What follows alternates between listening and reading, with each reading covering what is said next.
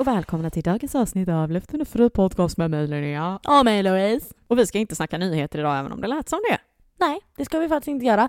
För att eh, vi, det har inte hänt så mycket sen senaste avsnittet eftersom vi spelade in detta även samtidigt som vi spelade in förra veckans avsnitt.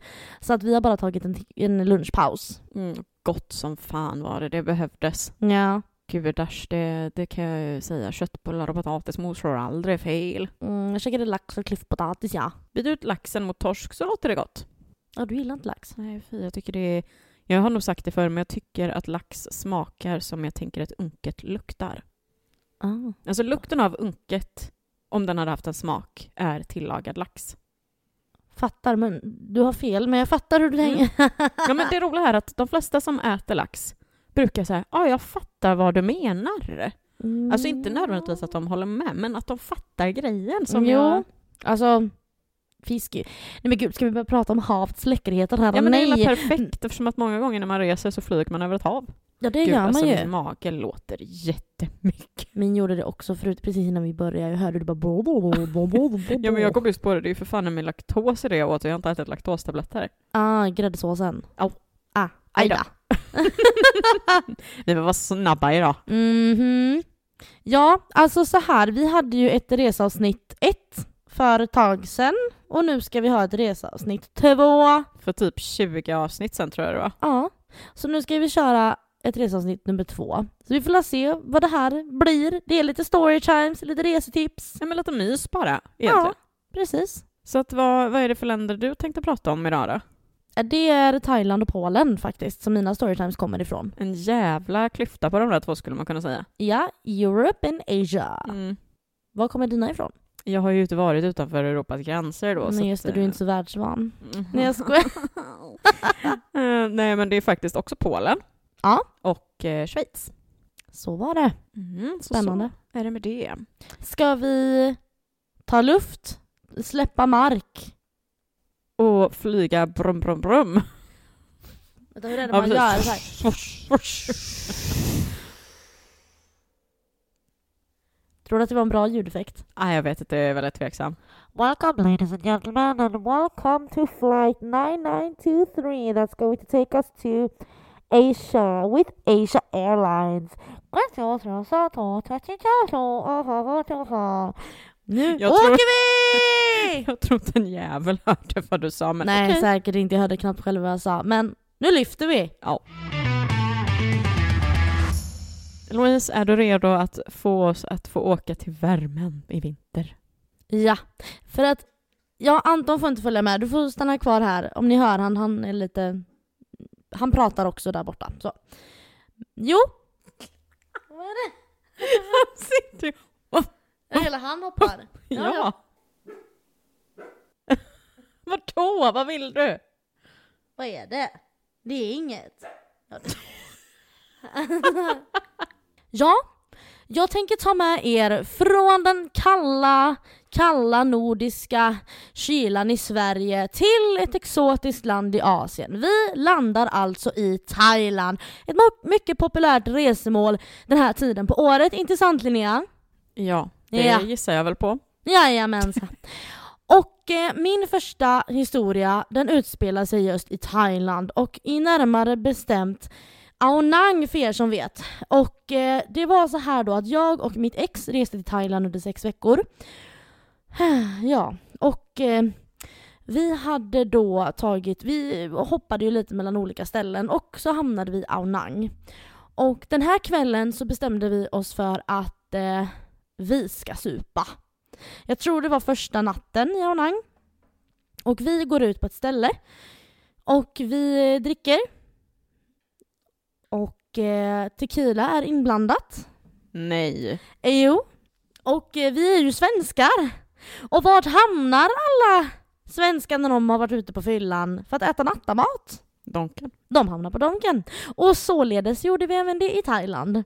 Så vi går alltså in på Donken och vi ställer lite cheese och någon dricka liksom. Och tar oss tillbaka till det här hotellrummet då som vi hade. Och det ska ju sägas att det här hotellrummet, det var ju liksom, det här var low budget. För att vi pendlade mellan extremt låg budget och två nätter kanske. För att sen kunna bo jättefint tre nätter, lite sådär. Så när vi kom då hade vi ett, eh, ett litet skyffe. Ett, det var en säng, ett badrum och tapeterna var liksom blåa och brunt tak och golv. Men ni fattar, det var liksom så här, ah, okej okay, liksom. Vi kommer in, lägger oss. Jag kommer ihåg att jag somnade ändå ordentligt i sängen med täcket medan mitt eh, ex då hamnade liksom på kortsidan nere på sängen utan täcke. Och så här. Vi, vi låg där ut, e, utslagna liksom. Och eh, så vaknar jag. Det är fortfarande natt. Kanske har sovit någon timme eller två.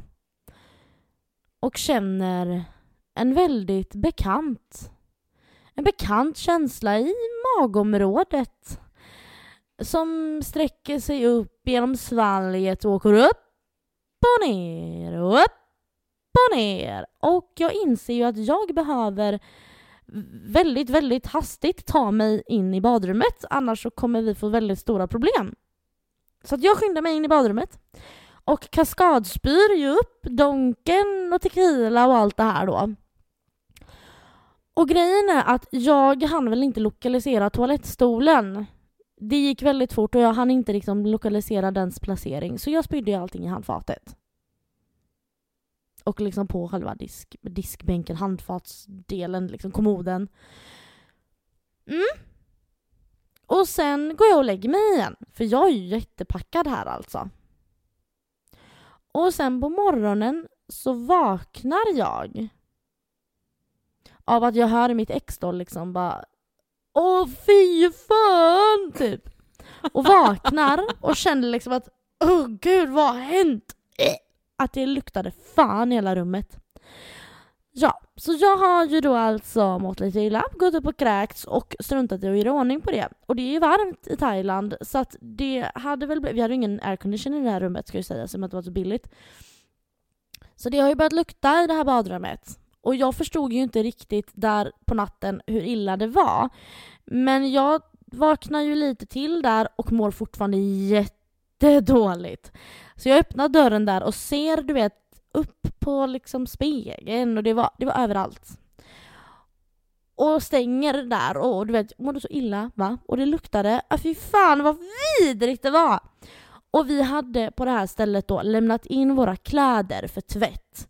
Så att vi rafsar ihop våra grejer liksom och går ut till receptionen.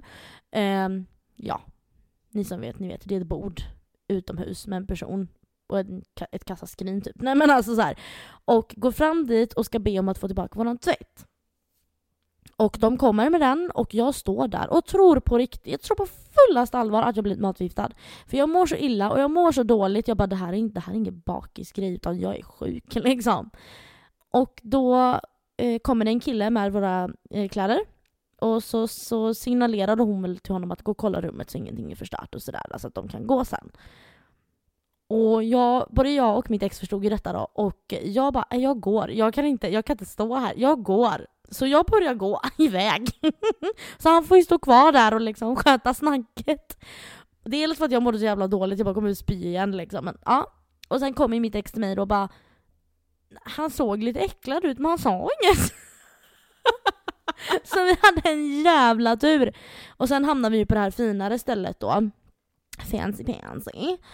Och där låg jag sen resten av dagen medan mitt ex drog ut och gjorde lite annat. Han gjorde väl något kul. Eh, medan jag bara låg där och mådde så jävla dåligt. Och standard var ju att man gick till 7-Eleven och köpte såna här mackor man kunde värma. Eh, toast och eh, O'boy typ, chokladmjölk. Så det vet jag att han kom hem med till mig och jag vet att det var det godaste jag hade ätit på hela den här jävla resan. På de här sex veckorna. Det var det godaste. För då började jag ju liksom komma till liv igen och insåg att jag var ju inte sjuk utan det var bara en sju helvetes baksmälla liksom. Tequila är alltid svaret på alla sådana saker. Ja, gud ja. Visst är det. Ugh. Mm. Så det var, det var nog första incidenten, ja det var första incidenten på den resan. Det var det. Men jag har ju två till historier mm, från going. Thailand. Keep going. Så vi fortsätter den här resan då. Och eh, den här andra incidenten, den, eh, den sker eh, på mm, Koh Phangan faktiskt, för er som vet.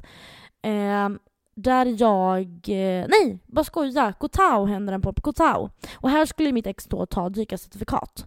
Så vi kommer dit och vi har sovit en natt. Vi åker en sån här nattfärja där du ligger liksom på en madrass på golvet i, på en båt liksom. Och vi kommer eh, över till, till Kotao Eh, och vi går av där i hamnen och jag börjar känna att jag har ont i huvudet, mår inte bra liksom. Oh, gud, mår inte bra liksom, mår inte bra. Vi har inte druckit någonting utan man mår inte bra. Solsting typ eller? Ha? Solsting typ? Ja, men alltså jag tänkte väl det, eller att jag hade ja, druckit för lite, du vet, så, hängig, mådde inte bra. Och så gick vi och, eh, vi skulle ju checka in då på det här stället vi skulle bo på som skulle vara ett väldigt trevligt ställe. Men vi satt oss och käkade lite först. Och eh, gott var det bra frukost. Kommer sedan till det här stället då. Och eh, vi var väl där vid ett-tiden, kanske halv ett, ett. Och vi skulle checka in vid tre. Så att vi fick ju lov att vänta vid poolområdet då. Och det här låg väldigt högt uppe på ett berg typ, eller högt upp var det. Så att det var liksom en infinity pool ut som man liksom såg ut och det var ju ett stup rätt ner och så var det vatten nedanför då. Och vi kommer dit, det här poolområdet, slänger av oss grejerna och hoppar ner i poolen liksom. Och i den här poolen så börjar jag mer och mer bli trött, hängig, dåsig liksom. Så jag lägger mig med armarna över kanten och somnar. Jag somnar. Eh, jag kanske så, alltså slumrar till en liten stund och vaknar till och slumrar till lite igen och håller på så lite grann. Tills jag känner den här bekanta känslan igen av upp och ner upp så att jag kastade ju mig ur den här poolen, upp på land, upp på poolområdet, rusar till staketet vid sidan av poolen, sträcker mig över och återigen, ja! Vad gör jag? Kaskadspyr! Och jag är så glad att det inte kom från båda ändar här. Och det bara sprutar över palmbladen och ner eh, för det här stupet och ner i havet. Jag spyr och jag spyr och jag spyr. Och när jag inte har någonting att spy längre så är det som att jag bara däckar ihop. Lägger mig på en solstol och bara däckar. Och eh, sen då så fick vi ju ett rum till slut då, tack för det.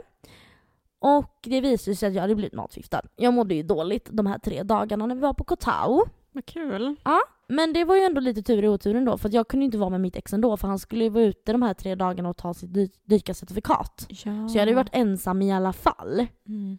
Men jag hade hellre varit ensam och spenderat det vid Infinity-poolen än i ett rum. Som tur var hade vi dator med så jag kunde ligga och kolla på det, den då.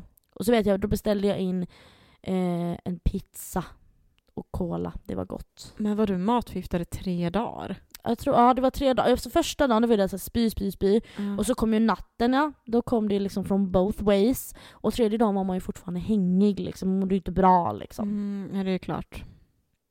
Så så var det. Men då fick du ju säkert den där eh, resesjukan som är. Jag tror ju att det var frukosten. För Mm. det tog ju inte många eh, det tog ju bara någon två timmar däremellan. Och de säger ju det att blir du matförgiftad eh, då brukar det ta typ tre timmar. Så drar det igång. För då har du liksom Mm. smält, smält all mat och sånt. Jag, tr jag tror Ja. att det var det det handlade om, jag vet inte. Det är lite olika för jag vet att det är 12 till, 40, eller 12 till 24 timmar i vissa fall också. Ja, och jag tänker att alltså, det beror på om det är ett virus eller vad det är. Ja. Men, eh, Men liksom man så. säger det finns ju en resebakterie som man får Mm. när man åker till Asien. Ja, får. mage och allt det här vad man säger. Ja, Så att ja, nej, det var, det var liksom en, det, det var lite spya där. Men. Hur många dagar var det efter det första? Eh, nej men det var väl två, någon, någon vecka eller två kanske. Ja, då hann kroppen återhämta sig lite i alla fall Vi emellan. var ju borta i sex veckor som sagt så ja. tidsuppfattningen blir ju lite skev liksom. Mm. Men ja, så det var de två spyhistorierna då. Sen kommer vi då till den tredje historien. Och här kan vi prata om total skräck. För att här var vi på Kopanjang och det skulle vara full moon party och vi var så taggade på allt det här, så bra. Men för er som inte vet så är eh, Kopanjang en ö med höga backar och väldigt branta backar. Vägar alltså. Och eh, vi är i Asien, folk kör som idioter. Och jag var ju livrädd för att åka moppe. Eh, livrädd var jag, har aldrig tyckt om det. Och eh, vi hyrde ju en då för att kunna ta oss runt på ön. Och så ska vi åka i en sån här backe då, för det är normalt och sen går det ner. Och när jag säger backe, det liknar småstup. Det, det är Mm. liksom, och så, så bara, det är serpentinvägar men de är väldigt branta. Men så, typ som svarta backar när man åker i fjällen liksom. Nej men det här är brutalt liksom. Mm. Och eh, jag sitter är där det. bak och skriker och gråter och skriker. Alltså det här var skräckupplevelse. Jag skriker och skriker och skriker. Och till slut orkar inte han höra mig skrika mer. Så att då stannade vi på en liten trapats där det var liksom man kunde stanna och ta någon bärs eller någonting. Sitter, och jag bara, jag, jag går resten ner. Jag sätter mig inte på den ner. Jag gör inte det. Och sen så kom det några andra där som vi började prata med lite grann för mig. Då frågade liksom hur långt är det?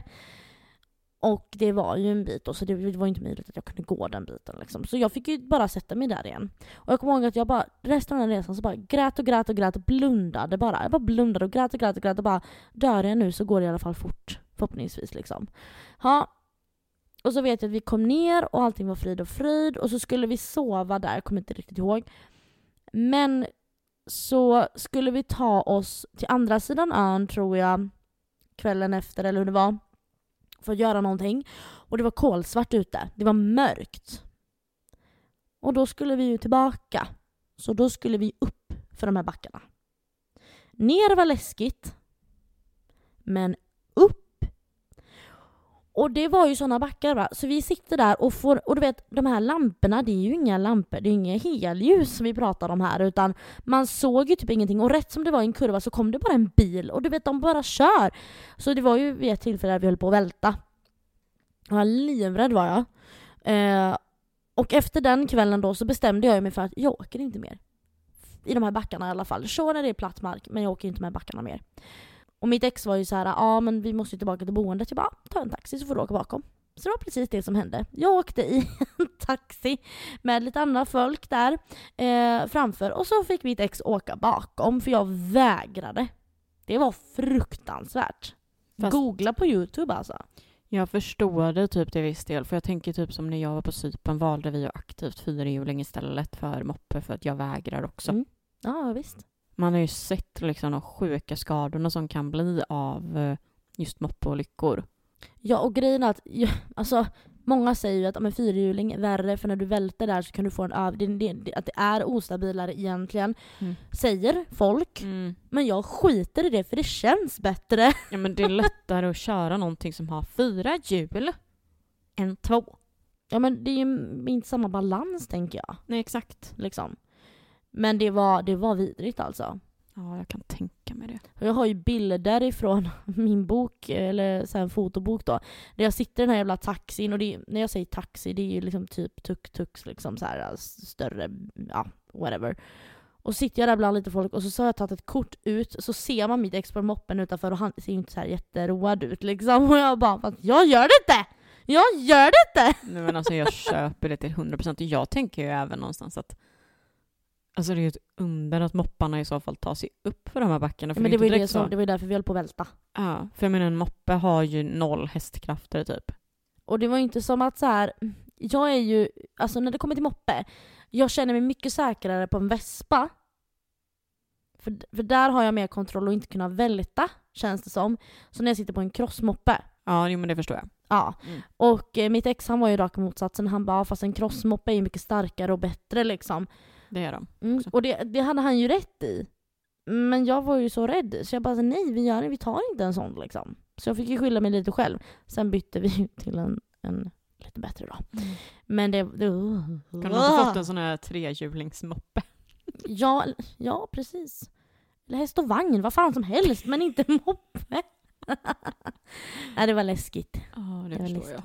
Men den här jävla Thailandsresan, det var ju mycket som hände liksom sådär. Det, det var det ju. Alltså men... Eh, jag höll på att drunkna eh, i ett nät som man skulle klättra upp för för att komma över en bergskant. Få komma till en jättefin strand.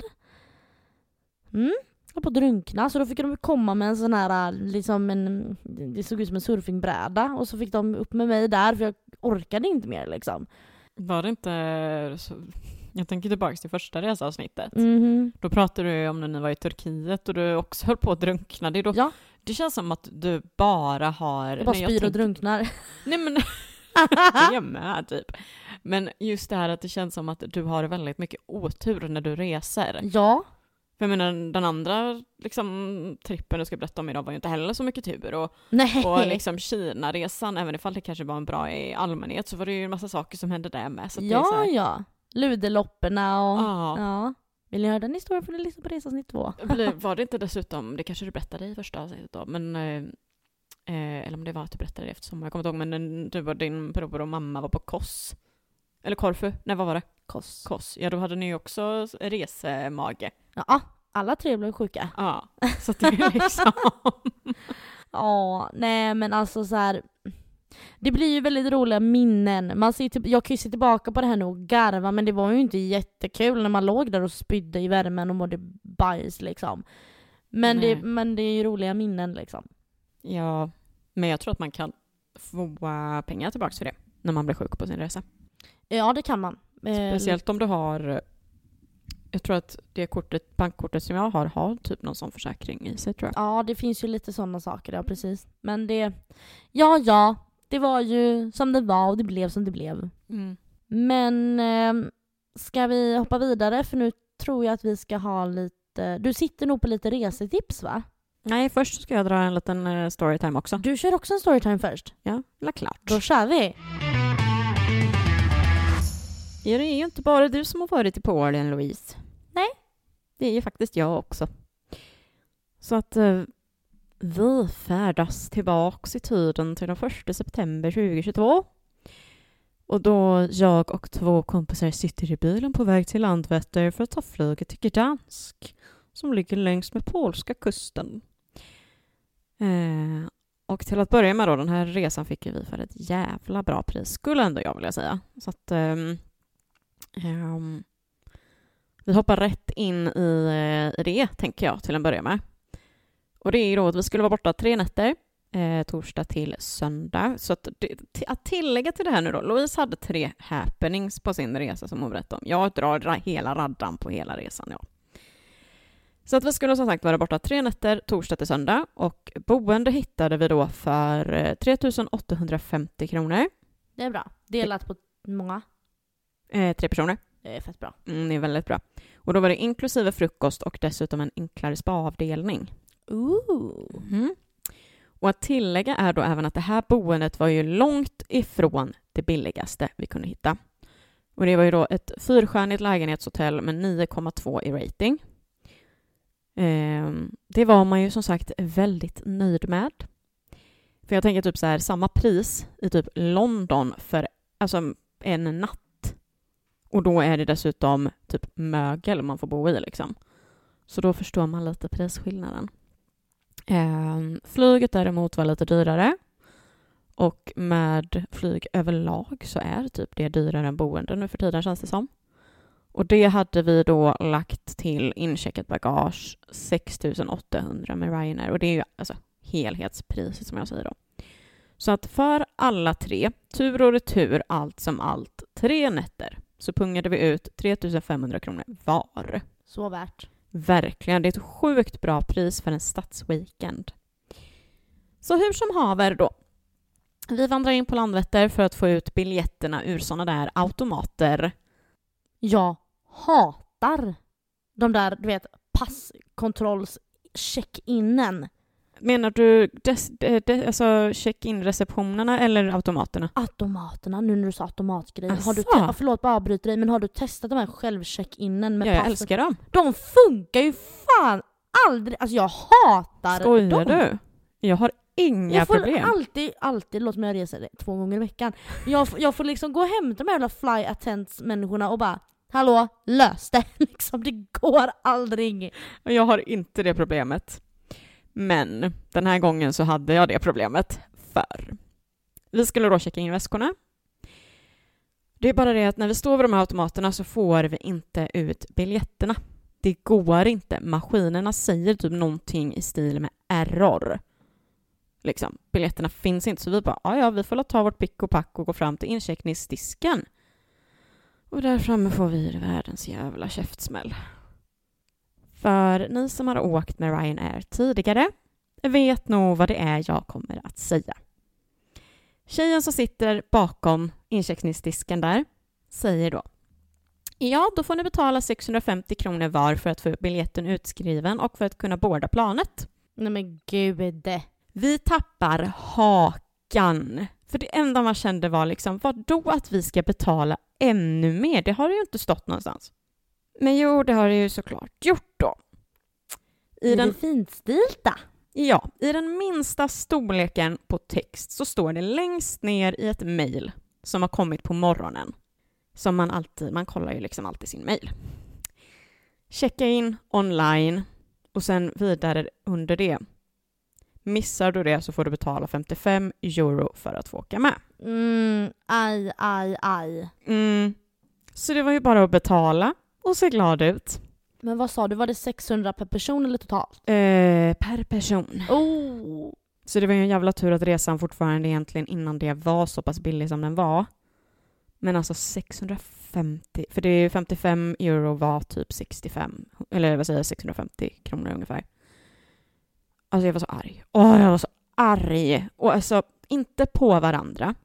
Och inte egentligen heller på hon bakom kassadisken, även ifall jag samtidigt tyckte att hon sa det på ett jävligt drygt sätt. Hon var inte det minsta ångerfylld liksom. Hon bara yes, give, Ja, ja, alltså give us the money bitches. Gud, ja, det var verkligen så.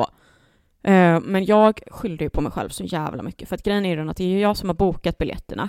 Så jag anser ju fortfarande någonstans att det är jag som har huvudansvaret att förstå det här. Men som då mina kompisar sa, de var ju såhär bara, ah, fast vi hade ju kunnat ta reda på det också. Ja, fast hur skulle ni kunna ta reda på det? Men alla kan missa också Linnea. Det Ja, så jo, här. gud ja. Och nu kommer jag ju aldrig missa det igen. Nej. Eftersom att, mm. Men sen också så här, man, eh, jag vet inte om du kommer ihåg det, men när man var barn så sa ju alla bara, men man ska inte åka med Ryanair, det är det sämsta.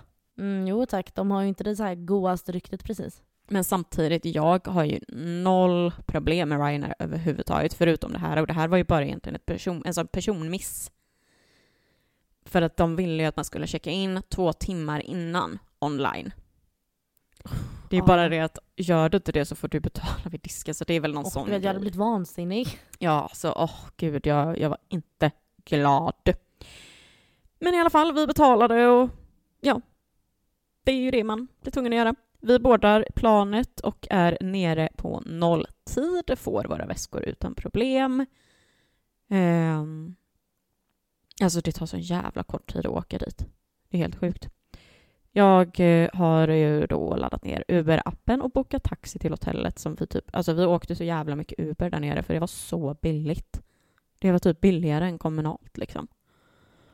Och då kommer vi till hotellet och är mycket positivt överraskade. Eh, går ut och äter en sen middag. Och sen morgonen efter så hade vi bestämt oss för att vi ska börja dagen med spa. Så att vi badade bubbelbad och bastade innan det var dags att kolla in shoppingutbudet. Och solen sken typ hel, ja, jo, solen sken hela helgen.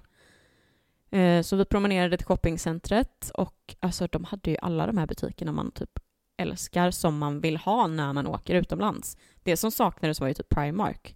För det var liksom Stradivarius, Pull&Bear, Bershka och alla de här olika. Vet du vad som är så himla kul Linnea? Vadå? Jag har ingen aning om vad du snackar om för butiker. Ja men de som vet, de Prime, vet. ja men det är det som är så kul. Mm. Det, det är lite kul, alltså så här, filmer du tar upp, aldrig någon aning. Butiker, så här, artister, så bara, nej, ingen aning.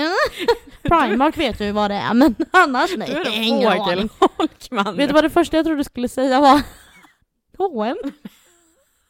Noge. de hade faktiskt New Yorker. Ah, bra. Mm.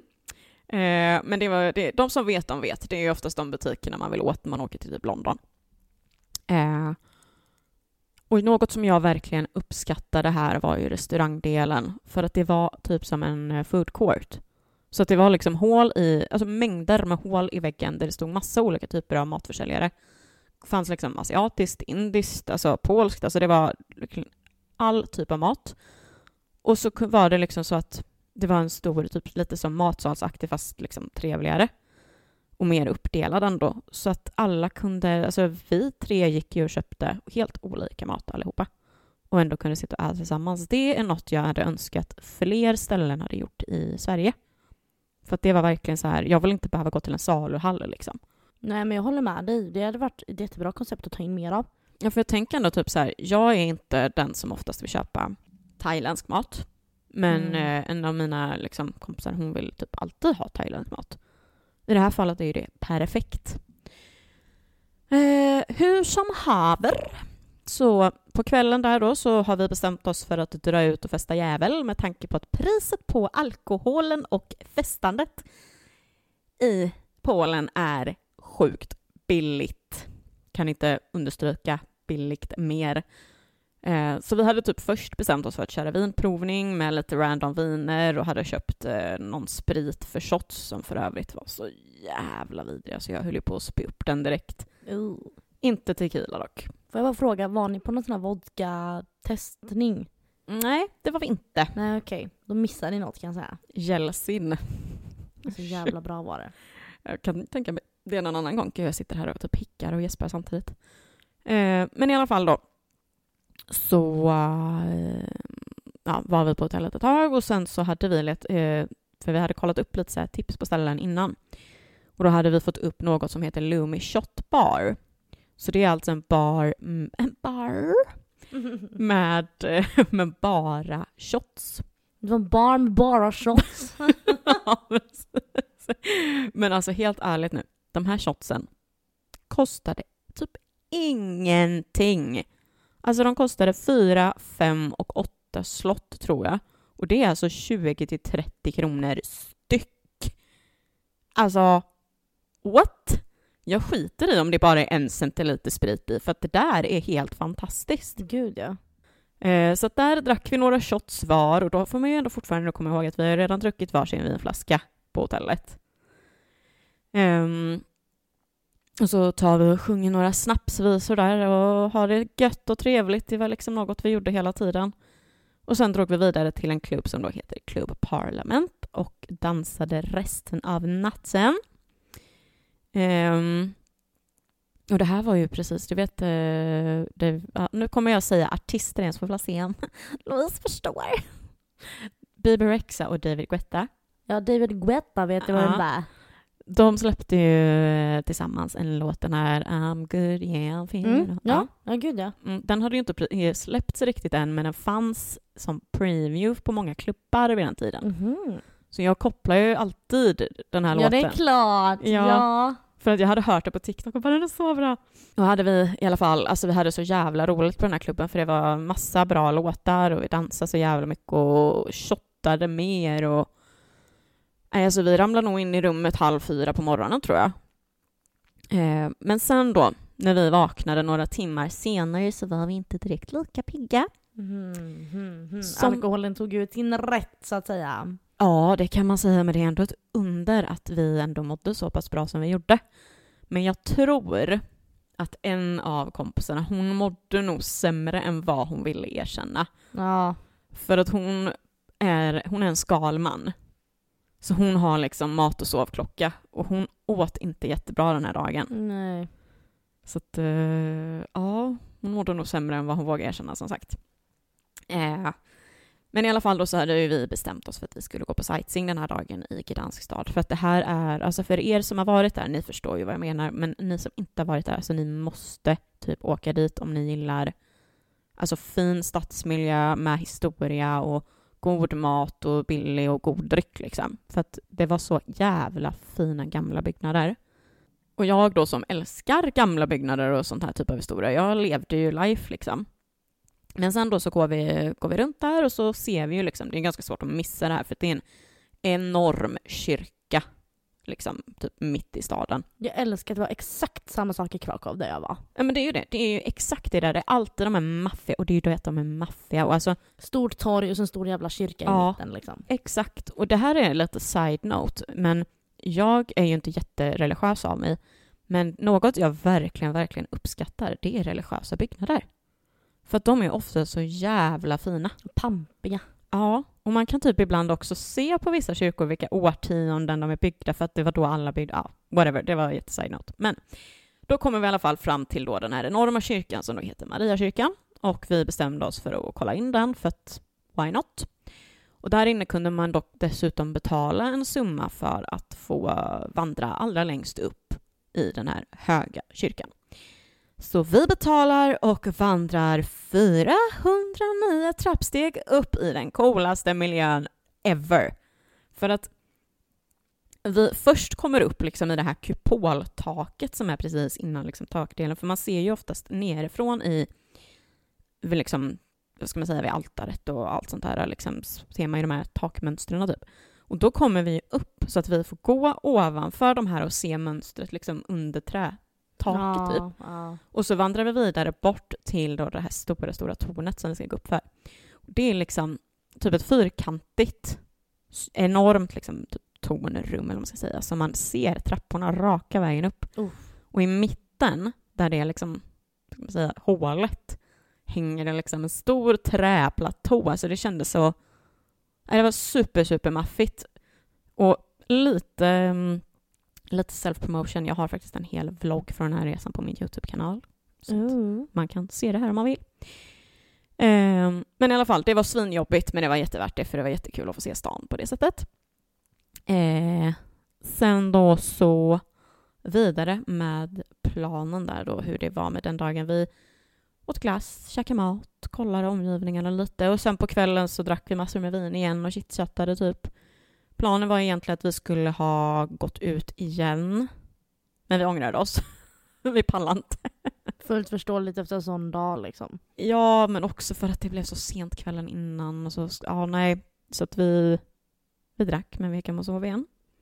För att vi skulle ju hem då som sagt dagen efter på kvällen då, så att vi hade redan sen innan bestämt att vi skulle åka till eh, Sopot, Sopot eller vad man säger, som ligger lite utanför Gdansk eh, längs kusten då. Så att eh, vi tog Uber dit och alltså jag kan tänka mig att mitt i sommaren så är det här ett perfekt ställe att åka för eh, Alltså lite solsemester nästan. Men det vet jag att många gör. Eller ja. många, men jag har hört talas om att det är många ja, som åker. Ja, men det har ju blivit en grej att man åker ner till Gdansk och Sopot på mm. somrarna tydligen mm. nu. Eh, för att det var jättelång fin vit sandstrand och en stor pir och så att vi, vi gick ut där och det var jätte, jättefint. Men sen då så hade vi även bestämt oss för att avsluta den här resan med att åka till eh, Västerplatte. Vilket då är, eh, vad heter det, Eh, det ligger i hamninloppet till Gdansk. Jag tror typ att det är en halvö eller någonting som det här är. För det här är ju då ett monument som är rest i minne för alla polska soldater från andra världskriget. Um, så det är alltså då på den här halvön mängder med ruiner från den här tiden när Tyskland intog Polen. Ehm, så det är ju liksom de här stora tornen och det är bunkrar och det är mitt liksom i ett typ town square-aktigt så är det liksom en stor, stor, enorm stenbyggnad som är typ helt raserad och du får gå in där men det står också klart och tydligt du gör det på egen risk på grund av fallrisk liksom. Um, och eh, som sagt, det är ju så då att första september, nu ska jag komma ihåg att säga rätt år, 1939 tror jag det var va? så började ju eh, andra världskriget och det var på den här platsen. Så att i... Jaha. Jag har för mig att det var Warszawa. Nej, alltså grejen är att de intog Polen här. Via där? Aha, ja. okej. Okay. Ja, ja, ja. Så det var så kriget tydligen började. Mm. Så det här var, det var lite något jag läste på i efterhand om. Eh, så det var så sjukt att gå där, för när vi kommer då fram till det här liksom då, monumentet som står rest där, så är det hur mycket blommor som helst som ligger där eftersom att vi var ju där typ tre dagar efter som årsdagen då, 83 år tidigare, hade varit. Och det var samtidigt också så sjukt att bara tänka att men, här går vi på en, en plats där det för liksom 83 år sedan startade ett världskrig. Och det här är liksom ruiner. Och just nu i denna sekund när vi går här, inte alls långt ifrån, om man ska vara helt så, så pågår det ett krig i talande stund. Liksom. Exakt. Det var en sån, eh, sån konstig känsla på något vis. Men sen efter det i alla fall så satte vi oss i Uben för att hämta väskorna på hotellet och sen åka till flygplatsen för att boarda planet och fara hem till Louise favoritord Swedenland. Swedenland. så att den här resan eh, var verkligen jätte, jättebra och jag kan alltså 100% varmt rekommendera att besöka Gdansk. För att delvis som sagt, du får det för ett jävligt bra pris. Du kommer få, ett, alltså vill du bo, alltså åka någonstans dit du kan boka ett lyxhotell. Du får valuta för pengarna. ja, alltså så kan du man kan ju säga. boka ett lyxhotell för låga summor. Eh, så att, eh, som sagt, jag rekommenderar att man åker dit och vill man se hur den här resan var på riktigt så finns det en 20 minuters vlogg på min YouTube-kanal Linnea Elvira. Nej men alltså jag, jag, jag rekommenderar ju också varmt Polen. Nu var jag ju i Krakow då. Men jag menar det var ju samma sak där. Jag menar jag hade jättegärna åkt tillbaka till Mm. Krakow och gjort om den resan och gjort den rätt. Och verkligen kunnat få ett utlopp och faktiskt sett saker med en positiv anda. Mm. Jag hade faktiskt velat göra om det. Ehm, det hade varit coolt. Och även där, vi var ju det här med historiens vindslag, för vi var ju på Auschwitz. Ja, just det. Eh, var vi. Och det var ju, alltså jag hade ju velat åka till fler sådana historiska platser för att Ja. det är så påtagligt och det är så det är verkligen så, så, så berikande för en själv liksom att få känna de känslorna och bli humble inför den här händelsen och vad som har hänt Mm. eller vad det nu är man besöker liksom. ja, men 100 procent. Eh, och det var, liksom- vi fick ju gå in i de här liksom, där de hade hållit dem fångar in i Auschwitz och se, här har det legat folk. I de här eh, facken, i de här liksom byggnaderna, det har legat människor här inne och liksom Mm. ruttnat bort. Det är så jävla sjukt. Mm. Det var jätte, Mm. jättesjukt. Men det man kan säga är ju att Polen är en rekommendation från oss båda. Gud ja. Vi får lägga upp lite bilder på vår Instagram. Som, eh, Kanske. Facebookgruppen också eftersom att inte alla har Instagram. ja precis. Men eh, ska vi gå vidare till en eh, liten tipslista innan vi går vidare med resten av våra härliga stories från våra trevliga resor. Sounds good. När man ska resa någonstans så har man ju faktiskt oftast med sig något typ av bagage. Stämmer bra. Eh, visst har du, du hade någonting med någon packlista eller vad var det? Ja men så här, jag älskar ju listor. Listor, listor, listor. Det går att lista allt. Och nej, alltså jag har liksom börjat att göra en... Mm, då, hade, då gjorde jag det på papper när jag inte kunde göra det i min telefon förr. Att liksom skriv ner så här... Eh, jag gjorde det i dator, typ Excel-ark typ, förr. Oh my god. Så hade jag liksom så här kläder i en kolumn, ehm, prylar i en kolumn och övrigt i en kolumn och viktigt i en kolumn. Och då var det kläder, då skrev jag upp typ så här svart långärmad tröja, sex par trosor, baddräkt blå. Eh, du vet alltså precis vad det var för någonting. Och så hade jag små rutor bredvid som man kunde checka av då. Så här, checka i då.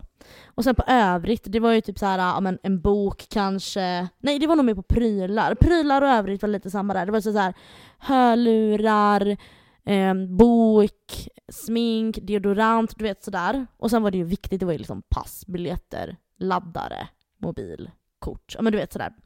Eh, det gjorde jag alltid på papper förr, men numera så gör jag det i min telefon, du vet anteckningar och har de här som du kan bocka ur. Men jag gör fortfarande likadant kläder, skriver upp allting, övrigt sådär. Och jag bara säger det, det är väldigt bra för att då glömmer du ingenting när du ska packa och du glömmer inte heller någonting när du ska därifrån. Den är ju bra. Just därifrån tycker jag är en smart För grej. man sprider ju sina grejer. Och jag vet, alltså uh, såna här packlistor, ja, ja, det är så bra för jag glömmer aldrig någonting. Jag, köp, ja, jag köper grejen med allt förutom typ kläderna. För att kläder tycker jag är skitjobbigt att skriva upp. Då skriver jag ju möjligtvis typ så här, ska jag vara iväg åtta nätter typ, eller låt säga att det, det behövs egentligen typ åtta trosor. Ja, men då kanske jag skriver upp 16. För man, man vet ju aldrig. Mm, Ja, dubbelt upp. Jag kan lägga till två kanske. Ja, jag brukar nog köra att jag lägger på i alla fall minst eh, hälften då. Mhm. Nej men alltså, jag, bara, jag, vill bara, jag har inte så mycket mer att tillägga. Men eh, packlista, Mm. viktigt, bra, testa det. Ja, det som är viktigt håller jag verkligen med på. Mm. 100 procent. Mm. Men ska vi ta och packa lite nu då? Nu packar vi. Ja, för att jag tänkte då ta och ge mig på handbagaget, men främst i samband med att du har ett incheckat bagage. Så till exempel då när du då kanske ska på en solresa. Eh, även då, jag brukar tycka att man vill ha ett incheckat bagage när man ska på en stadsresa, för man har en tendens till att shoppa en del. Ja, så att i alla fall, när man ska då packa sitt handbagage något som är extremt viktigt är att du utgår från att risken finns att din incheckade väska inte dyker upp. Precis, och det vill man ju... Alltså man vill ju inte sätta sig i den situationen. Nej. Det är ju inte kul alltså. Nej, och jag tror dessutom på den här grejen med att om du, eh, om du eh, har tänkt en tanke så kommer det inte hända. Mm. Så att, eh, så här då. Åker du på solsemester, och det här gäller väl egentligen främst tjejer då, lägg ner en bikini i handbagaget. För ibland kan det vara väldigt svårt att hitta rätt storlek där nere där du ska befinna dig. Sen också, något som är otroligt viktigt, men det hoppas jag ju att ni som lyssnar redan har koll på.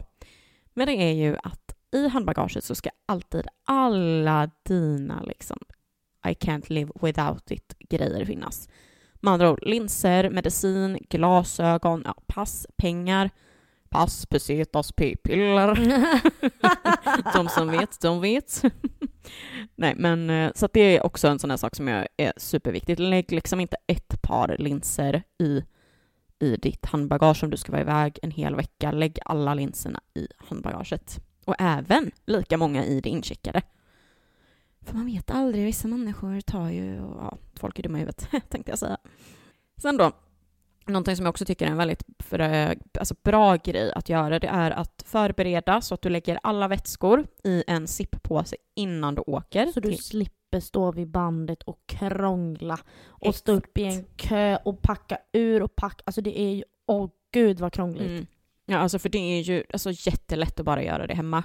Och då blir det också rätt att kolla du upp vad du kan ha med och allt sånt där. Och sen vet du med dig att om du är en törstig jävel, ta med en tom flaska så kan du ju fylla på med vatten innanför säkerhetskontrollen. Den är väldigt smart. Vatten kostar dessutom oftast en förmögenhet på både flygplatsen och planet, så... Smart! Det där är så smart. Mm. Det där är verkligen ett topp ett-tips. Faktiskt. Verkligen alltså. För att det är ju liksom... Det är ju det finns ju alltid de här vattenkranarna. Åtminstone i Sverige. Nej, det är bara att gå in på en toal. Ja, men precis. Men alltså så här, jag tänker dricksvattenmässigt liksom. Ja, jo. Mm. Men det, det, är verkligen en sån sak som jag tycker att, eh, alltså gör det. Det är number one tip. För att man säger också oftast så här att på en flygplats när du kommer innanför säkerhetskontrollerna, det som finns där, det är det som finns. Det handlar ju om utbud och efterfrågan, så att säga. Den där Imsdal vattenflaskan på eh, ICA kostar kanske 10 spänn medan där kostar den 30. Utbud och efterfrågan.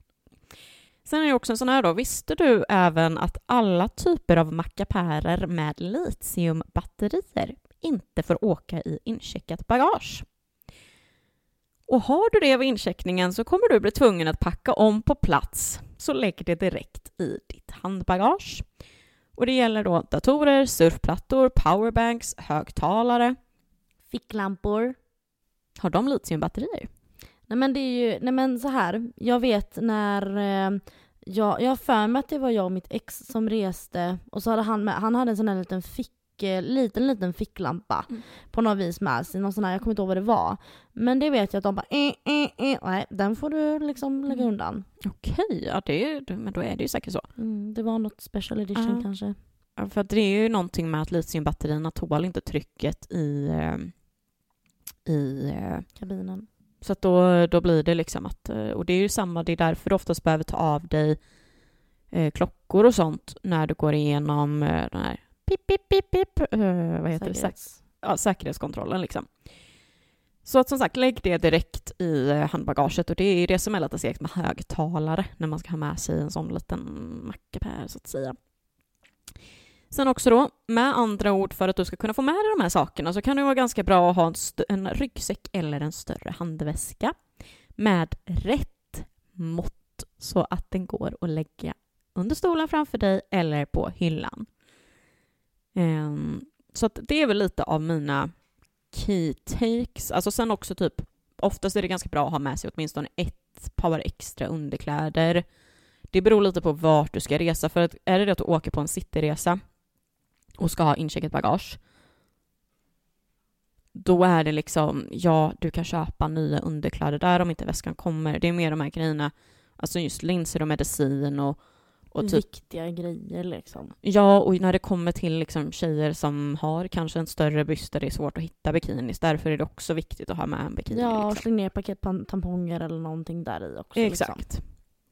Sen har jag ju några, några tips också som jag tänkte jag kunde dra. Och det här är väl eh, något som jag hoppas att jag även själv tar till mig och även mina kompisar som jag har rest med innan tar till sig också. För att åker man på en stadsresa så tycker jag att det är så viktigt att man kollar upp minst en restaurang i förväg och att man bokar bord där innan.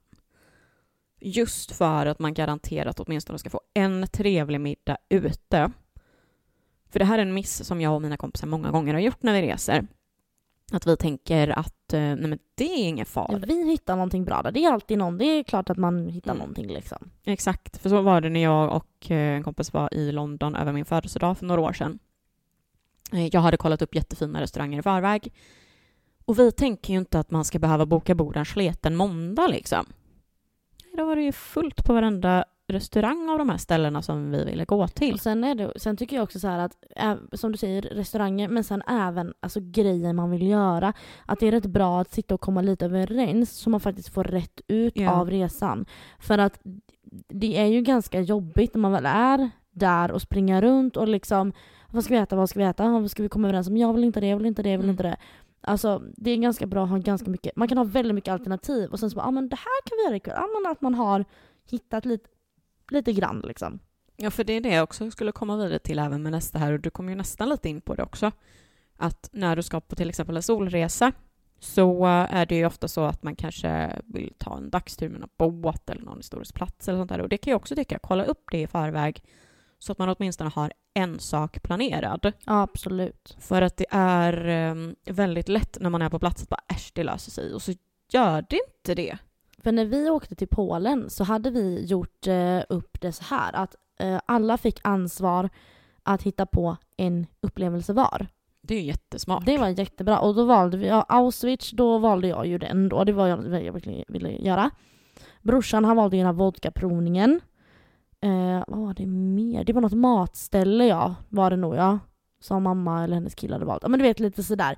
Så, och då, då blev det liksom att nu gjorde vi någonting som alla ville testa och som liksom ändå blev en grej liksom. Exakt, för då blir det ju också, alltså på något sätt, jag tror att det är lättare att bestämma en sån sak i förväg, för då är det det att man har bestämt det också. Och jag kan många gånger tycka också att det handlar om att har man bestämt det i förväg, då kommer det bli av. Ja precis. För att det är det också som är väldigt lätt hänt, att om du besöker ett land på en solresa, du har bokat en vecka med all inclusive. Risken finns att du ligger vid poolen varje dag. Risken finns att du inte lämnar hotellet. Risken finns att du får frågan när du kommer hem. Var det fint i Spanien? Ja, det var fantastiskt. Hotellet var jättefint. Ni förstår ju själva hur det låter. Då har ni ju inte varit i landet, ni har varit på hotellet. Underbart säger jag. Det kan vara fantastiskt gött. Jo, men självklart. Men jag kan tycka då att då är det väldigt så här, man kan inte ta och svara för att ja, Spanien var jättefint, eller vad det nu kan vara. Alltså, förstår du vad jag menar? Ja men då får du ju gå på hikingresa, då får du ju liksom upptäcka landet liksom. Nej, men jag tycker man kan åtminstone lämna hotellet en dag. Ja ja. Ligga åtminstone vid havet en dag. Mm, det gjorde vi när vi var i Grekland. Det var en. Ja, men åtminstone en, alltså man åtminstone lämnar hotellet. Ja, precis. Um, ska vi se här, jag har två punkter till här ser jag. Väldans vad jag har varit duktig på att skriva på. Jättebra ju. Fantastiskt. Ha, ja, då kommer vi tillbaka till Ryanair. Eh, kolla upp regler för incheckning för det specifika flygbolaget i förväg. Mm, och det var vi ju ganska tydliga med varför. Ja, så att eh, oftast, de flesta flygbolagen idag kan du checka in online i förväg dessutom, så gör det, det är skitsmidigt. Louise tycker inte det, men jag tycker det. Jag är lite mer teknisk än vad Louise är. När tekniken funkar är den jättebra, när den inte funkar så vill man slita av sig sitt hår. Ungefär så brukar det vara. Sen också, som jag dessvärre är väldigt dålig på, men som jag har upptäckt är väldigt bra om man gör, det är ju då så här. Ta ut kontanter i landets valuta i förväg. Jajamän. För att många länder man åker till är inte lika utvecklade som Sverige när det gäller kort. Och små butiker ger en det onda ögat varenda gång man kommer och ska köpa en vatten och dra fram kortet. Drar de inte också ibland en extra summa för att du just använder kortet? Mm, jag tror att det är under fem euro så drar de ibland eh, ända upp att- till fem euro alltså. Ja, men det är något sånt va? Mm. Så att jag, eh, jag tror att det var någon gång när jag var på Cypern eh, som jag bara, men alltså jag har inga kontanter. De bara, ja, okej då. Så att det är nog också en sån sak som kan vara ganska bra att kolla upp i förväg och faktiskt ta ut, ta ut åtminstone liksom småpengarna. Restauranger brukar inte vara ett problem. Men just när du ska köpa en vatten eller whatever, så att de... London är det inga problem, men liksom Ayia Napa är ju... London är inga problem. Det är inga problem i London någonsin. Det var bara ett exempel på storstad. Paris tror jag inte heller är problem. Nej, inte jag heller. Nej, så att, eh, det är typ de tipsen som eh, spontant kommer till huvudet. Har du något mer innan vi går vidare med våra sista storytimes? Nej, men jag tyckte du fick in ganska bra där. Ja, vad bra. Och jag, alltså jag kan inte riktigt släppa det, men jag älskar det här vattentipset du gav. Det är så smart. Visst är det. Det är bara att gå innanför där, så på, på Landvetter, så. Mm. Fylla upp i kranen inne på toa eller whatever. Ja, för att alltså det Eller be så, i restaurangen kan ni fylla upp på vatten. Ja, men egentligen faktiskt. För att alltså det är så jävla dyrt med vatten på flygplatsen. Vilket jag förstår. Utbud och efterfrågan. Vi har ju pratat Polen och vi ska fortsätta prata Polen för nu lyfter vi från Landvetter i Göteborg och landar på Krakows flygplats. Och här, ja den här historien har ni ju hört hur min Polenresa var eh, katastrof. Heartbreak, ledsen, deprimerad. Inte bra. Så att, eh, men det här hände ju på onsdagen. Eh, det var då det kraschade. Dagarna innan var det ju bra. Hyfsat i alla fall. Och på tisdagen då, när eh, mitt ex då inte ville följa med ut och ha kul utan låg kvar på hotellrummet så tänkte jag men fuck you då, jag ska ha kul. Så jag, min mamma och min mammas sambo och min brorsa, vi drog ut till en karaokebar som låg på riktigt alltså 150 meter från vårt hotell. Det var jättenära. Jag tror- ja, jag kommer inte ihåg vad den hette men The Rock, det var någonting med rock'n'roll i alla fall, skitkul. Och det var en sån här riktig, liksom så här, man kom, eh, kom in i en liten gränd och så öppnade en dörr nerför en trappa, nerför en till trappa och så var det liksom så här. ja, din Just reaktion? Det var inte det de bilderna du la upp som var så jävla maffigt och häftigt? Mm, kanske, kommer inte ihåg. Liksom stenbyggnad och... Det var, det var mycket sten ja. jag, jag tror fan att det är den jag tänker på. Och så var det sådana där fluffiga röda soffor. Det var, det var väldigt eh, coolt ja. Och där eh, tog vi lite drinkar och sen, och det var ganska dött när vi kom dit. Det var inte mycket folk. Det fanns, det satt några i baren där. Och det var så här lite sunkigt ställe. Alltså det var liksom så här, det luktade piss från toaletten ungefär. Ja men ni fattar, det var liksom så här. Men det var ändå en stämning att här kan nog komma folk som är lite loosen up och lite så här, ah, han bryr sig inte så mycket liksom, bara kör. Så jag och min brorsa då, vi var så här, ah, men vi går in och kollar i karaokerummet. För det var liksom en där baren var och så var det lite soffor. Sen var det ett rum till med bara soffor, sittyta. Och sen var det att du gick ner för en liten stentrapp och eh, ett rött draperi och där inne var själva karaokerummet då. Och vi går in dit och där sitter det eh, två killar och en tjej. Och eh, de är själva där. Och eh, jag och min brorsa var så här, ja men vi sätter väl oss och börjar prata med dem. Så vi satte oss där och började snacka med dem. Och då kom det ju fram att den ena killen där, han... eh, Jag kommer inte ihåg vart han var ifrån. Men hans två kompisar, eller ja, han var ihop med killen. Så det var två killar, de var ett par. Och sen var det en tjej till. Varpå den ena killen eh, var från Ukraina och även den här tjejen då. Och de var här och pluggade eller någonting, har jag för mig. Jag vet inte. Men i alla fall. Vi har en sån rolig kväll. Vi har så kul på det här stället och de, eh, Alltså den ena killen där, han som inte var från Ukraina då, han avgudar ju mig. Alltså han är så gullig och verkligen så här eh, förklarar, för de andra kunde ju inte engelska så bra. Men han pratar ju väldigt bra engelska och han förklarar för mig att den här polska låten och så var det någon sån här, typ som våran Sommartider, hej hej. Det var liksom deras version av den typ, alltså någon sån här låt som alla kan du vet så här. Och så sjöng de den och liksom karaoken där och tog med oss där och vi gick i en ring och dansade och sjöng, vi hade jättekul. Och sen så sätter ju han mig där på en pall och sjunger I will always love you av Whitney Houston. Du vet så här. Ja det var så roligt, det var så kul. Och vi tog in en sån här jättelång shotbricka som är liksom en meter lång med massa shots och vi drack och vi hade jättekul. Som kostar typ 100 kronor. Ja, ja visst det kostar ingenting. Och det var så trevligt och de hade ju med sig en spritflaska in på det här stället för de sa så här, äh, det brukar aldrig, det, de tittar inte du vet. Så de hade ju en stor spritflaska i sin väska så de hällde upp groggar till oss där inne du vet och hej och hå.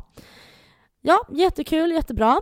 Och sen så sjöng vi lite Lady Gaga och hej och hå. Stämningen var god, alla var på gott humör, det var nice. Och så säger de så här, ja men ska vi dra vidare till gaybaren lite längre bort, gayklubben? Ja för fan säger jag då och brorsan var så här, får följa med ungefär. Mm? Så vi ska bege oss dit. Kommer ut från den här, eh, den här, mm, det här stället då. Och det ösregnar. Och det var ju väldigt regnigt alla de här dagarna i stort sett. Det var väl kanske någon förmiddag som det inte regnade. Men det var väldigt grått och liksom så mulet. Men det regnade. Och det regnade inte lite utan det regnade. Och vi var så här, fuck it. Det är klart vi ska dit. Hur kommer jag aldrig komma hit igen tänkte jag liksom. Fan klart vi kör. Så vi ger oss ut i det här ösregnet då. Varav det en av dem har med sig ett stort svart paraply, så det var så ah, ja okej, så vi turades om lite om det ungefär va.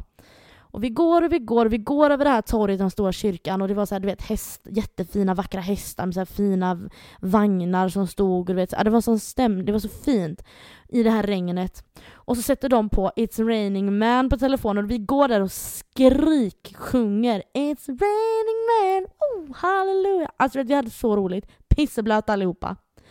Det var sån stämning, vi var så taggade och vi går. Och vi går. Och vi går. Tills vi eh, känner att okej, okay, men nu måste vi liksom ta lite skydd från regnet för nu vräkte det liksom. Och då var det ett typ litet kebabhak på andra sidan gatan. Så en av de här i bögparet då går dit för att köpa en dricka eller någonting. Jag vet inte om han skulle ha mer groggvirke eller vad det var. Men han, skulle, han köpte en dricka i alla fall. Och då kommer det fram eh, lite, ett gäng ja, i våran ålder liksom så här, eh, till oss och börjar prata. Det var typ tre killar och två tjejer eller någonting. Varpå den här killen, ena killen, börjar prata med han som kunde engelska. Och han är nog lite, alltså inte, han är absolut inte flörtig för jag tror att han var där med sin tjej för han var lite halvdryg liksom. Äh, you gays, uh, lite sådär. Eh, lite sådär. Men de började prata i alla fall och sen lugnade sig det samtalet för de började käfta lite men så lugnade det sig och sen blev de lite buddies. Men, den, men hans pojkvän då som var från Ukraina som inte riktigt kunde engelska på det sättet, det märktes att han blev inte glad. Han blev inte glad. Och började gå iväg. Så jag går efter han. Eh, jag tror han hette Christian Jag var så här, Christian, du vet så här. Men han, nej, han ville inte prata. Så, ah, skitsamma, känner inte dig. I don't give a fuck. Du vet. Och så, men så går de ihop där lite grann och börjar prata det här bögparet då. Och sen så säger det bara smack! Rak höger från Ukraina-snubben till den andra killen som kunde engelska då. Och de börjar slåss.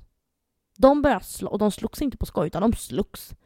Var på mm, det här gänget av personer som kom då, nå, någon gick iväg och du vet, så här, det, det, blev lite commotion där. Och så den tjejen, ukrainska tjejen som var med, hon tar upp sin telefon och börjar filma det här.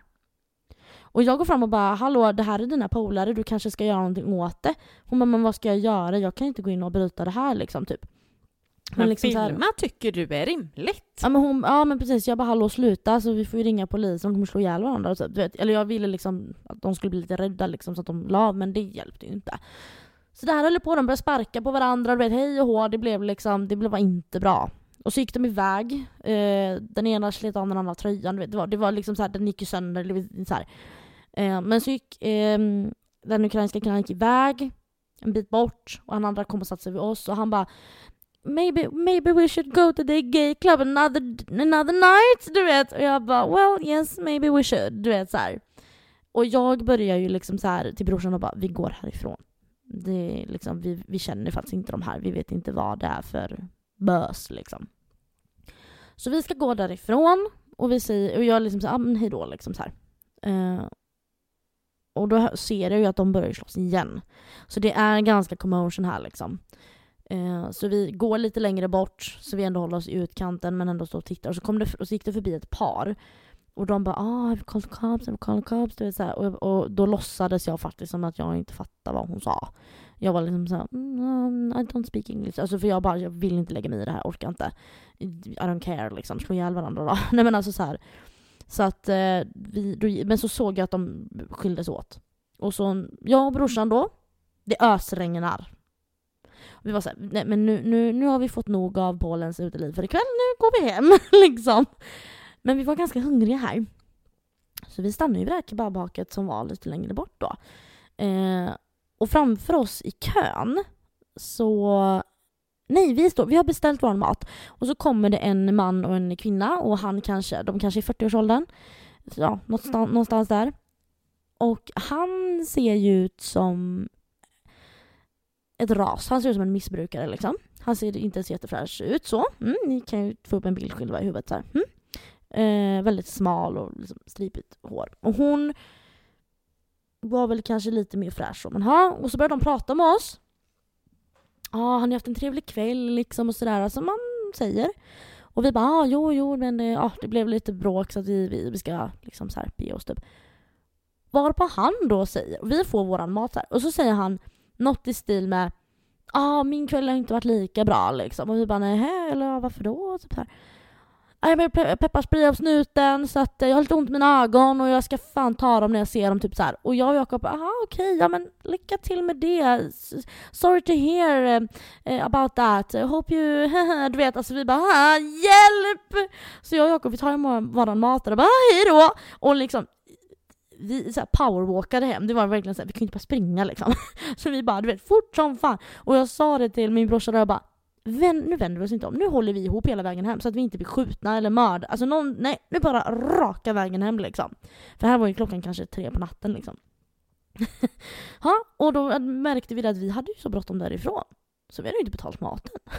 Nej, Louise! Nej men vi hade, jag, jag, för det var ju min brorsa som skulle betala då. Ja. Eh, och vi hade så bråttom därifrån så vi glömde av det. Nej, så det var en springnota mitt i allt det här commotionet. Och det roliga är att i förrgår, tror jag det var, så tog de reda på vilka ni var och ja. skickade ett sms. Nej men det roliga är att vi hade ju lagt till varandra på Instagram. Jag, den här två killarna och den här tjejen då. Så jag har ju sett dem på Instagram och sånt där och han som pratar engelska då, han, han var på väg att bli färdig mm, vad heter det, flygvärdinna och såna här grejer så att jag har ju följt han lite grann då. Och så här. Men så fyllde ju hans ja, ex numera då, den här ukrainska killen år häromdagen och så hade de en live på Instagram och då skrev jag liksom men grattis, liksom så här. Han bara oh my lovely darling, oh so nice to see you, oh yes it's my birthday, du vet så bla bla bla bla bla bla. Och det var så roligt för att eh, den här andra engelska killen som utbildade sig till flygvärdinna, han har ju skrivit så, oh it would be lovely to see you in Gothenburg maybe sometime if I'm here. Uh, yes you know it was a, eh, not a good relationship but uh, yeah it's, it would be really really nice to see you again. Så att eh, jag har ju fortfarande lite koll på dem och sådär men mm, det var inte en jättebra kväll så sett. för dem i alla fall. Du hade i alla fall kul fram tills det blev bråk. Ja, och jag har ju fått de här videorna skickade till mig när vi liksom springer och dansar i regnet och skriksjunger och det, det var ju så ro, härligt och så befriande. Vi var pisseblöta alltså. Men det var så befriande på något vis, det var så jävla Lite härligt. filmiskt nästan. Ja, exakt så var det. Det var, mm. Jag ser ju, för när du berättade det så såg jag nästan lite av en filmscen framför ja, mig. men det var liksom. verkligen det. Tänk dig då liksom på det här torget, mm. bland de här hästarna, i ösregn vid den stora kyrkan och det lyste. Ja, det, det är ett fint minne, men det slutade i kaos. mm, det kan man säga. Ja. Och sen kvällen efter det blev ju inte bättre precis. Så att ja, så var det med det. Har du Louise? Har du Linnea? Ska vi ta och åka till eh, världens dyraste stad? Det gör vi. För då tar vi oss till Zürich i Schweiz. Yes. Jodla det jodla jo! Ja men typ. Eh, för nu ska vi backa bandet ännu lite till från eh, min Polenresa då. Eh, för det är fortfarande samma år, men nu är det juni. För att vara... Drog du två resor på ett och samma år, din lilla lyxlirare? Ja, såklart att du åkte till världens dyraste stad också. Vad är det för miljoner du sitter på egentligen? Eller har du en sugar daddy? Är det det du har? Har du en sugar daddy? Precis. Nej, gud. För att vara helt ärlig där så var det ju fyra resor. Ja, du har en sugar daddy, det hör ju jag. Det kan jag få hans nummer eller? Ja men precis. Nej gud nej. Jag, det här var faktiskt hard earned money som jag åkte med på de här hard earned studerande pengar. Um, hur som haver i alla fall, 3 juni 2022 så vid tretiden lyfte planet från Landvetter mot Zürich. Eh, och det var ju då alltså så att en av kompisarna hade fyllt 25 så jag, hon och en till kompis åkte ner till hennes syster som då bor i Zürich. Um, och när vi då kommer fram så hade ja, systern dykt upp massor med god skärk och bubbel och hade så himla trevligt. Och då var ju alltså då planen var att vi, eh, för vi skulle vara där fredag till måndag. Och eh, det här var ju liksom tänkt som en eh, festresa kan man säga i och med att kompisen fyllde 25. Så att det var ju liksom, när vi kom ner till Zürich så var det ju liksom direkt bara käka liksom chark och dricka bubbel, göra i ordning sig och sen dra till en restaurang i centrum. Eh, för att sen liksom gå ut hela natten lång. Vi käkar i alla fall massa god chark och dricker bubblet och moet. Men alltså ja, just spit it in our face you fucking rich ass bitch. Jag har ju inte råd med någonting nu direkt så att... Nej, det är konstigt. Nej, eller hur? Men det här är faktiskt två år sedan. Men jag kanske var på väg att träffa mig en schweizisk karl who knows? Mm. Bara att jag inte har berättat det. Nej, men hur som haver i alla fall så tar vi Ubern in till, eh, till eh, restaurangen som vi skulle gå på. Minns tyvärr inte vad den hette. Men jag vet att det var en väldigt fin restaurang. En väldigt dyr restaurang. Inte så studentvänlig. Det var inte nudlar på den, på den eh, menyn liksom. Det billigaste du kunde få det var liksom en entrecote på 500 gram typ. Ja, nej, det billigaste du kunde få var typ en sallad för 200 spänn. Minst. Och då snackar vi en skål med typ bladspenat. Ah, gott. Men eh, det var väldigt, eh, väldigt kul att få vara i en sån typ av miljö för att grejen är ju den att vi hade ju liksom på oss allihopa klackar och klänningar och du vet så här, det är ju en helt annan vibe i Zürich så att säga än vad det är i typ svenska städer. För jag tycker, det, alltså, det känns inte som att man klär sig så i Stockholm heller typ. På Stureplan kommer du nog inte in ja. någonstans utan klackar. Alltså. Nej, alltså förmodligen inte, men det är med att man inte är van vid det och det är väldigt trevligt ja. att få liksom vara med om det också. Sen då i alla fall som sagt, på restaurangen där så kom även en av systerns kompisar dit också. Och hon var ju supertrevlig, superrolig och kom typ från eh, från typ Schweiz eller södra Tyskland eller någon, någonting sånt där liksom Supertrevlig. Så det blev ju att vi snackade ju engelska sen fortsatt den kvällen. Så att efter restaurangen så blev det väldigt många barer och väldigt många klubbar och jag kommer knappt ihåg hälften tänkte jag säga. För att först så var vi på en bar och dansade jättemycket. Sen så var vi vidare till en annan bar där vi då också då höll på att prata med massor av folk och random, så det var ju engelska, engelska, engelska, engelska hela jävla tiden. Dans och det var liksom, alltså superroligt. Men sen också då, efter ett tag där, så blev det ännu en ny bar. Där har jag för mig dock, om jag inte minns helt fel, att vi tog typ en drink, men det var inte lika mycket drag, så då drog vi vidare igen. Så det liksom blev så här verkligen bara, jag, jag, kommer liksom knappt ihåg det här för att det var så korta, för när jag skrev ner det här så blev jag så här bara, men just det, dit var Sen var vi, men liksom verkligen så här minne. Svårt att särskilja dem. Nej, det var väldigt så. Men sen i alla fall så kommer vi till ett sista stopp där vi liksom stannar resten av natten eller morgonen eller vad man vill säga. Och det var så himla nice ös här inne och det var liksom, det hängde massa sådana här floaties i taket, typ så olika flamingos och svanar och donuts och hela... Ja, var det där det var bollhav? Nej, jag bollhavet är i London. Ja, det var i London. Som var en månad innan. Just det, för jag, ja, mm. de här resorna går ihop även för mig, men jag har ju koll på ditt Instagram. Ja, det förstår jag. Men Londonresan har jag inte berättat om än. Inte den i alla fall. Tror jag inte. Skitsamma. Um, här var det i alla fall floaties i taket, så att eh, här var det liksom, vi dansade hur mycket som helst. Det hade det svintrevligt och ehm, jag och då kompisen som inte fyllde år, vi höll oss ju liksom på standard dansgolvet typ och inte vippen, eh, vilket de andra var i. alltså jag inser själv när jag säger de här sakerna att det är så out of my world att sitta här och liksom bara moett, Zürich, vipp. Klackar. Ja men alltså det är, Ja, jag, jag, jag vet. gillar Ja, men jag det. vet. Vi är lantisar. Ja, men jag gillar ändå den grejen av att få vara i en sån värld också. Ja, men det är gud, skönt ja, det, att blir vara... ju, det blir ju ett happening. Det blir ju väldigt speciellt liksom. Ja, ja, men det blir ju verkligen det. Eh, Men där var vi i alla fall och dansade fram tills det liksom verkligen att eh, lamporna typ tändes och vi båda bara var så här, men, men, men vad händer? Liksom som att bara, men varför stänger ni ner nu? Men sen då så begav vi oss tillbaks till systerns lägenhet och klockan var nog halv sex när man väl somnade. Eh, för att sen också gå upp tidigt dagen efter.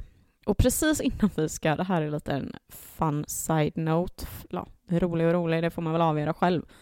Men precis innan vi ska sova så drämmer jag min lilltå, bara lilltån, mot en hög golvlist i lägenheten och viker mig av äh, alltså smärta samtidigt som jag då skrattar hysteriskt som man gör när man är lite full fortfarande. Det är bara det att fun fact kring det här då är ju att några veckor, eller om det var till och med någon månad eller två senare, så trillade ju den nageln från lilltån av. Trevligt! Det var en ganska rejäl smäll då skulle jag vilja påstå. Och det känner man ju inte när man är på fyllan liksom. Nej, det, det var lite så här. Hm. Men vi går vidare för att komma vidare i den här storyn. Eh, dagen efter hade vi eh, bokat biljetter till en festival som då ligger uppe på eh, toppen av Zürich. Jag tror att det är The View som det heter. Det är i alla fall någon typ av festival, naturklang med technomusik som flyttar runt lite i liksom, Schweiz eller vad det är. Um, så att vi började i alla fall dagen med att jag och systern går ner till sjön som är här precis nedanför hennes lägenheter och badar.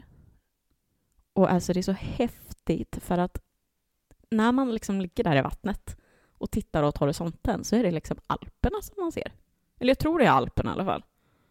Och det är fan en speciell känsla alltså för att fjälltoppar är väldigt vackert. Ehm, och med andra ord så förstår ni då att det här var ju varmt också då, eftersom att vi badade. Så att vi i alla fall tog sen då och fixade oss för nya tag med mer dryck och göra oss snygga. Så att när vi då kommer till den här festivalen så är det ju en sån jävla känsla i luften. Det är varmt, det är hög musik, liksom människor som är euforiska och glada och förmodligen inte bara av eufori av eh, det var nog andra substanser så att säga i Ja. deras kroppar än alkohol. Ja, det kan man nog säga. Man brukar väl ändå säga det att technomusik kan bidra lite till det. Mm, typ käke, käkar som tuggar i si- sidled eller eh, låser sig och ögon som råttpittar. Ja, alltså det var ju ändå fint folk. Mm. Kanske mer var att man fick dust off the noses. Mm.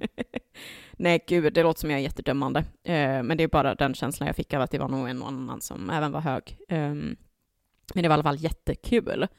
Så där inne dansade vi hela eftermiddagen och kvällen och någonstans i allt det här så går jag och en kompis på toa. Vilket för övrigt var vidrigt, för det var typ alltså dass. Vet så här, vad heter det, sådana Bajamajor. Ja, precis. Bajamajor. Där man häller i typ halm eller någonting. Och det var liksom urin på hela... Alltså det var så vidrigt. Usch vad vidrigt det var. Men medan jag i alla fall då sen väntar på henne utanför, för jag tror typ att hon har sprungit bort och tappat bort mig eller någonting, så sätter jag mig på en, eh, en bänk och väntar på henne då. Så kommer det en kille och sätter sig bredvid mig och börjar prata på engelska. Och han är så sjukt jävla snygg och charmig.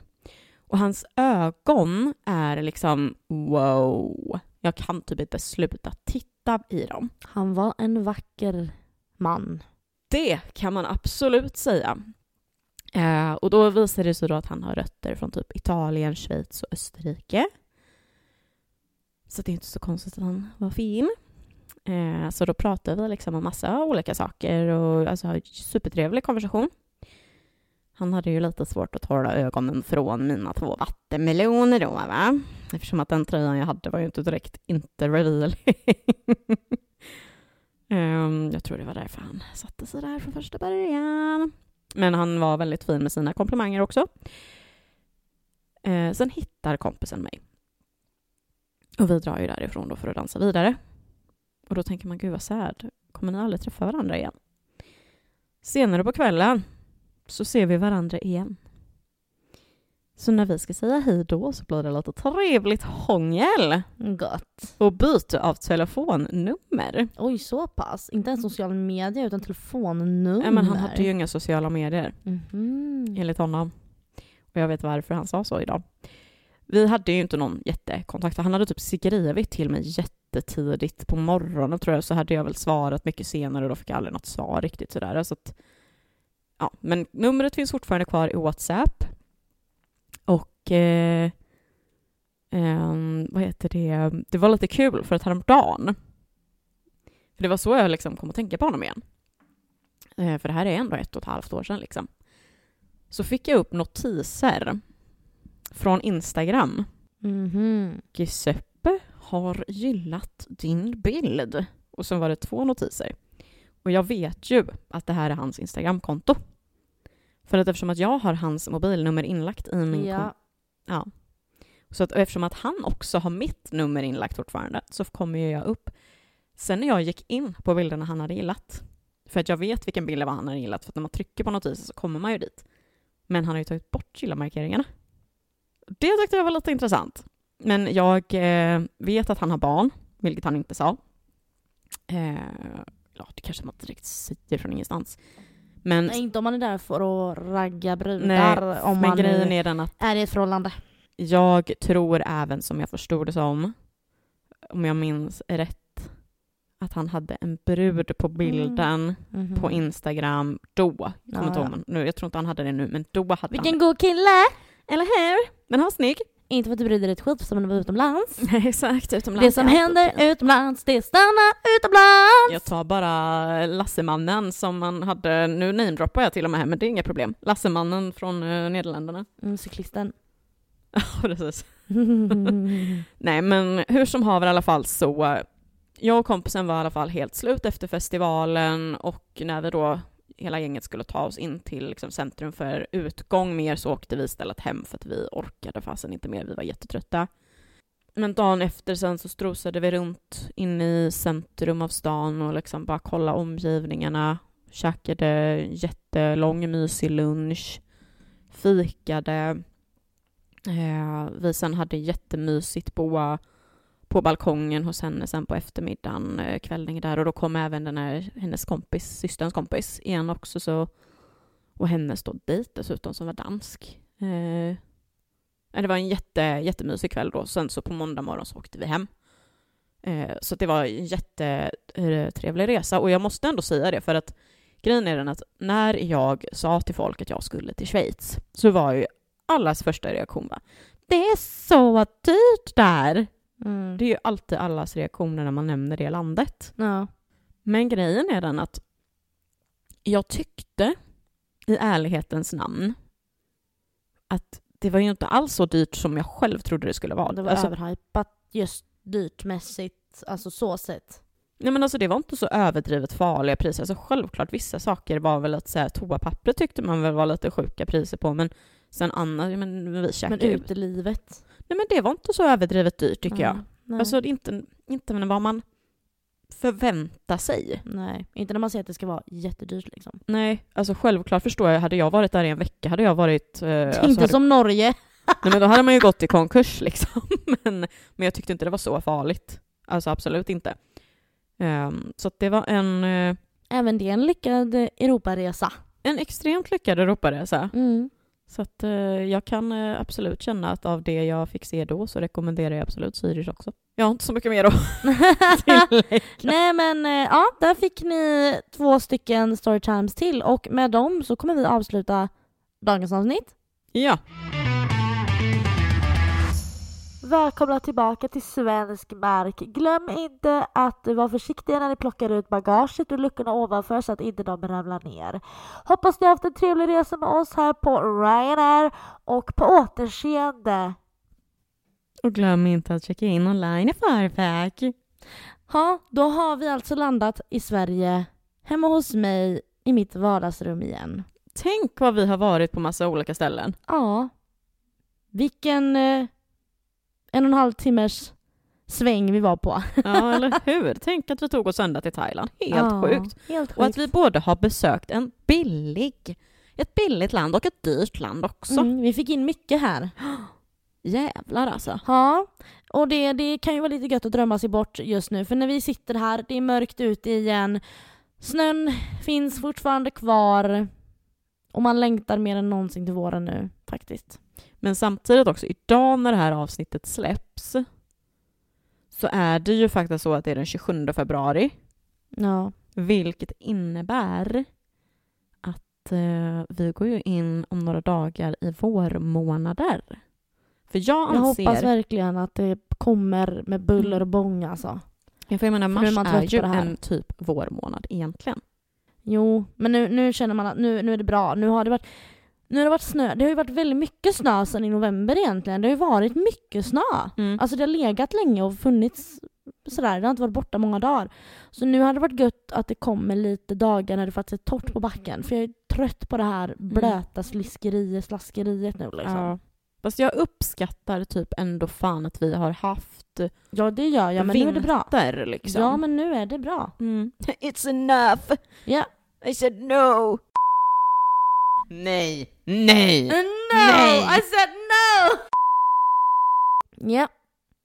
Men samtidigt, jag, ja, jag... eh, Jag uppskattar... Jag har hellre så här om det innebär att vi får även en fin vår och en fin sommar som är... Jag Ja, vill liksom ha en lång vår. Jag vill ha en lång vår. Jag vill att den ska vara lång. Mm. Att liksom vi får mycket ut av det. Så att det inte blir bara en månad vår och sen kommer sommaren. Utan jag vill ha en Ja. lång vår. Ja, jag brukar tycka... Med torr backe och liksom man kan gå ut i fleecetröja bara och gå en promenad. Liksom så här. Och hinna använda sina vårjackor. Ja men precis. Liksom, det tycker jag var lite synd förra året, för det kändes som att man inte hann. Ja, nej precis. För det var liksom. Samma sak nu med hösten tyckte jag. Mm, det är sant. Där Mm. kunde man ju ha... Ja, nej. Nej, fasen. Alltså jag är, eh, jag är eh, taggad på vår och jag är taggad på sommar och jag är väldigt nyfiken på vad som kommer hända skall. Men jag tror att det är för att jag hade två trevliga saker som hände idag på förmiddagen som jag Mm. inte kommer berätta förrän jag Precis. vet mer. Men jag, jag är också så väldigt nyfiken på hur mitt liv kommer se ut när jag sitter i september igen. Nej, fy fan, inte Jo, september. Nej, men så här, jag, jag är jättenyfiken på att se vad som har hänt under våren och sommaren. Jag är så nyfiken. Jag är så Ja. nyfiken. När vi sitter där för säsong tre. Precis. nej men alltså jag, ja, nej men jag, jag, ja. Skitsamma, nu orkar inte jag mer för nu har vi spelat in hela jävla dagen. Nu är jag trött på det här. Nu vill jag inte, nu får det gå en vecka till. Nu, nu känner hon, jag ut ur mitt hus, nej, ut ur min kyrka. Ut ur min kyrka! Nej men jag har faktiskt en liten vovve som ligger borta på sängkanten där och eh, han ser väldigt deprimerad ut och jag känner att jag, nej jag måste ägna mig lite mot honom ikväll. Nu- Jag tycker så synd om han Ja, det förstår lilla jag. gubben. Vi ja. behöver bara göra en liten snabb check på hur vi ska tänka med nästa veckas avsnitt. Ja, så nu säger vi godnatt min skatt, ha det gött, hej! Ja, det är sant, exakt. Ha det bra kompisar. Ta hand om er där ute och boka era resor med Luften är fri airlines. Woo! Men allvarligt talat, en eh, som ni gärna får, eh, ni som känner att ni vill, ni kan ju svara min fråga. Om ni hade tyckt att det var trevligt att vi har eh, ett till reseavsnitt innan säsongen är slut, för att vi har lite till man skulle kunna bjuda på. Så att säg till om ni skulle vilja ha ett till. Men med det sagt, puss och kram, skumbanan! Hejdå!